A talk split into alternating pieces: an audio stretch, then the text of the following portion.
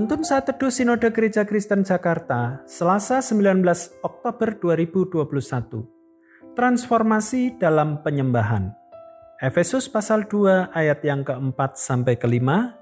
Tetapi Allah yang kaya dengan rahmat, oleh karena kasihnya yang besar, yang dilimpahkannya kepada kita, telah menghidupkan kita bersama-sama dengan Kristus, sekalipun kita telah mati oleh kesalahan-kesalahan kita, oleh kasih karunia kamu diselamatkan. Kristo adalah seorang Kristen yang setia beribadah bersama keluarganya. Ia melayani di gereja. Hampir setiap hari ia rutin mengadakan mesbah keluarga.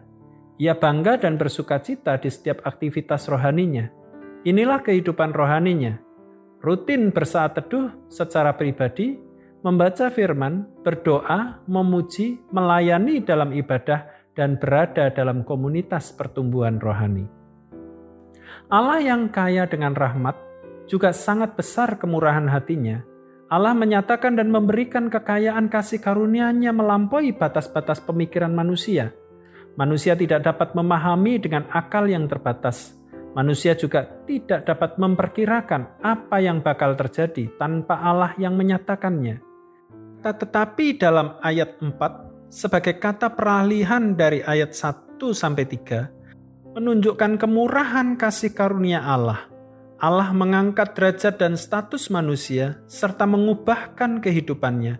Kehidupan manusia lama yang bersifat kedagingan dan keduniawian berada di bawah kutuk dosa. Namun, Allah mentransformasi kehidupan manusia. Manusia diubah untuk mengerjakan tujuan Allah. Dalam Kristus tujuan itu tercapai Kasih karunia Allah melampaui besarnya kesalahan, pelanggaran, dan dosa kita. Dia menyelamatkan kita. Dia tidak memperhitungkan semua pelanggaran, kesalahan, dan dosa kita, sekalipun seharusnya kita mati oleh perbuatan dosa kita. Hanya kasih karunia atau anugerah Allah dalam Kristus Yesus yang memungkinkan kita diselamatkan. Betapa berharga dan bernilainya kita di hadapan Allah.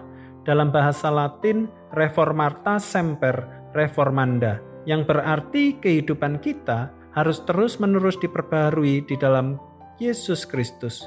Kita melihat kehidupan rohani Kristus di atas, kehidupan yang sangat baik, akrab, dan penuh kasih persaudaraan. Dia menyadari kebutuhan untuk mengalami pembaruan akal budi setiap hari, untuk serupa dengan Yesus Kristus. Begitu juga kita, Ingat firman Tuhan mengatakan, janganlah kamu menjadi serupa dengan dunia ini, tetapi berubahlah oleh pembaruan budimu, sehingga kamu dapat membedakan manakah kehendak Allah, apa yang baik yang berkenan kepada Allah dan yang sempurna. Roma 12 ayat yang kedua. Kerohanian Anda tidak diukur berdasarkan aktivitas rohani Anda, melainkan berdasarkan keintiman relasi Anda dengan Allah. Tuhan Yesus memberkati.